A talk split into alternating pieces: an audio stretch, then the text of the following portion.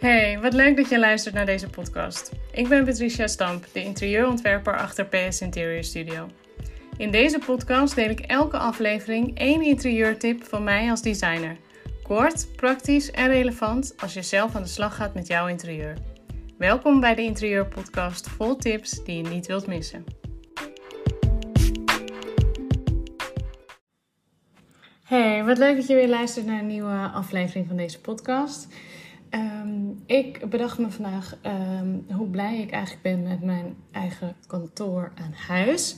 En toen bedacht ik me ook dat het misschien een heel goed onderwerp is om in deze podcast te behandelen.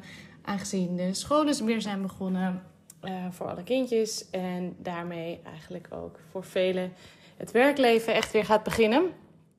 Um, en hoe fijn is het dan om, als je dan thuis werkt, ook een dedicated plek te hebben waar je dat heel goed en heel fijn kan doen. Dus ik wilde eigenlijk even een aantal tips met je delen waar je op kan letten om een goede uh, ja, home office of thuiskantoor, of in ieder geval een ruimte om thuis te werken, te gaan creëren bij jou thuis. Um, het, er zijn verschillende dingen waar je op kan letten. Ik heb het eigenlijk opgedeeld in vier onderdelen. Um, voordat je start, kijk altijd niet meteen naar de plek, want dat is eigenlijk het eerste wat vaak wordt gedacht. Waar ga ik dit doen? Maar bedenk eerst even wat de speelruimte is die je nodig hebt. Uh, werk jij bijvoorbeeld alleen uh, met een laptop, dan uh, heb je eigenlijk weinig echte ruimte nodig qua oppervlakte. maar misschien werk je wel met meerdere schermen. Dat betekent dat daar ook wel een ruimte voor moet bestaan, maar dat er ook beschikbare stopcontacten, elektriciteit aanwezig moet zijn. En dat je daar het liefst natuurlijk niet elke dag over struikelt. Um, vervolgens kan het zo zijn dat je ook veel papier gebruikt, of juist heel weinig. Nou, ben jij nou degene die veel papier gebruikt? Um, zorg dan dat er in de buurt van waar jij werkt ook ruimte is om dingen op te bergen. Dus of dit nu een kastje is die je daarvoor leegt of een lade. Maar zorg in ieder geval dat dat dicht bij de plek uh, uiteindelijk gaat zijn waar je gaat werken. Zodat als je stopt, dingen kan opbergen en ook het werk los kan laten. Maar dus ook je huis gewoon je huis mag blijven. En niet uh, een soort van overal kantoor wordt. Um, ja, en vervolgens kan het zijn dat je, net als ik, gewoon met heel veel materialen werkt. Um, verschillende samples. Uh, wellicht uh, doe je met stoffen, um, wat gewoon veel meer ruimte in beslag neemt. Dan is het goed om daar als eerste over na te denken. Dus wat heb ik eigenlijk nodig aan ruimte om mijn werk te kunnen doen? naast je laptop en je computer ook misschien wel je papier of je stoffen of andere materialen. Dus dat is punt 1. Vervolgens gaan we dan kijken, is er, uh, wat wordt de plek? Um, ik zie namelijk vaak genoeg gebeuren dat mensen een kamer gaan opofferen of helemaal gaan legen. Die krijgen een andere functie, want dat wordt het thuiskantoor. Um, maar door er niet goed genoeg over na te denken waarom dat die plek moet zijn, kan het zomaar zo zijn dat die uiteindelijk helemaal niet gebruikt wordt. Um, wat ik daarmee wil zeggen is dat je eigenlijk goed moet bedenken waar jij het fijn vindt om te werken. En je kan, ik zou altijd uh, pleiten voor het feit dat je een deur hebt die je dicht kan doen, zodat je je even kan afsluiten, dat je je goed kan concentreren, maar ook de privacy hebt voor eventuele videocalls. Um, maar mocht jij nu zo zijn dat je die privacy niet nodig hebt, uh, en dat je zegt, ik vind het gewoon heel prettig om aan de keukentafel te werken. Omdat ik dan ook een beetje meekrijg wat er thuis gebeurt. Of dat ik uh, ook bij mijn huisdier uh, in de buurt ben. Of ik vind het fijn als de kinderen thuiskomen, dat ik daar dan al ben. Um, dat kan allemaal. En dan wordt de keukentafel gewoon een plek die we goed daarvoor moeten inrichten. Um, en dan hoef je dus niet die aparte ruimte op te geven. Het kan ook zijn dat je gewoon wat kleiner woont. En dat je uh, gewoon helemaal geen extra ruimte beschikbaar hebt. Dus dat we heel erg moeten kijken: oké, kunnen we dat dan in de slaapkamer doen op een manier dat je wel werk en slaap kan scheiden?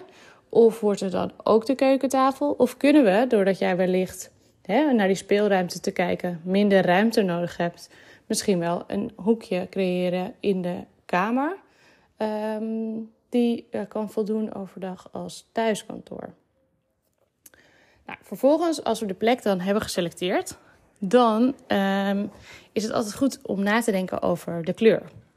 En met de kleur bedoel ik ehm, eh, de kleur op de wand, of de kleur van je bureau, of in ieder geval de kleur waar je, uh, die dominant aanwezig gaat zijn op jouw werkplek.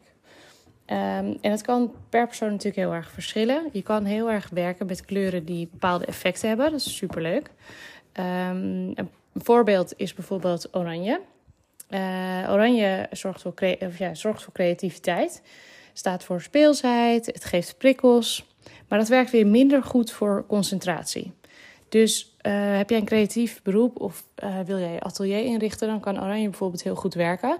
Maar moet je echt goed gefocust aan de slag, dan is oranje niet de beste keuze.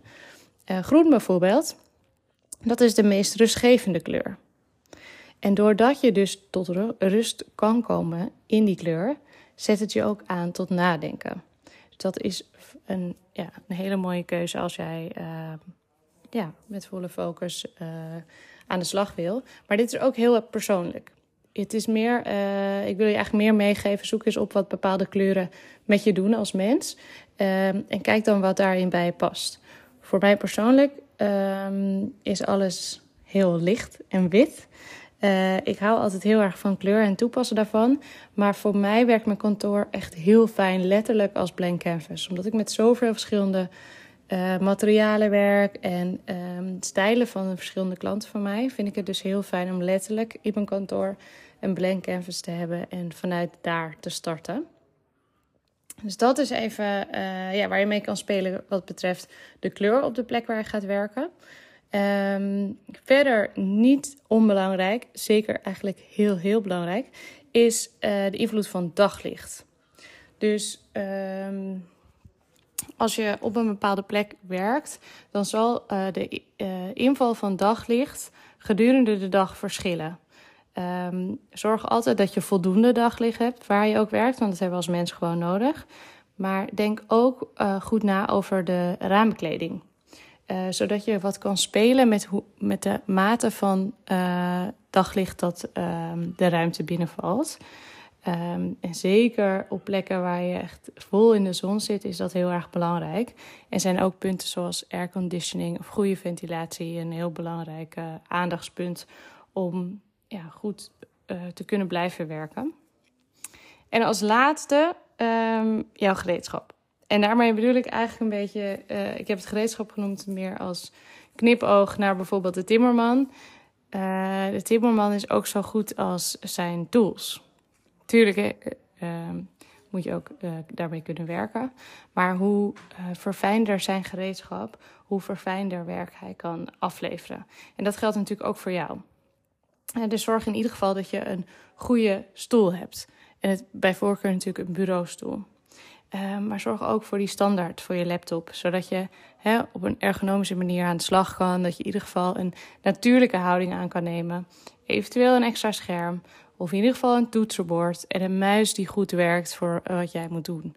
Dat zijn allemaal kleine dingen. Maar juist dat, die kleine details, gaan zorgen voor die moeiteloosheid. En dat het jou minder energie gaat kosten. Uh, en uiteindelijk je kan focussen op uh, ja, waar je energie naartoe wil gaan. En dat is jouw werk. Um, dus nog even een recap. Ga je aan de slag met een uh, thuiswerkplek? Kijk dan eerst eens naar de speelruimte die je nodig hebt.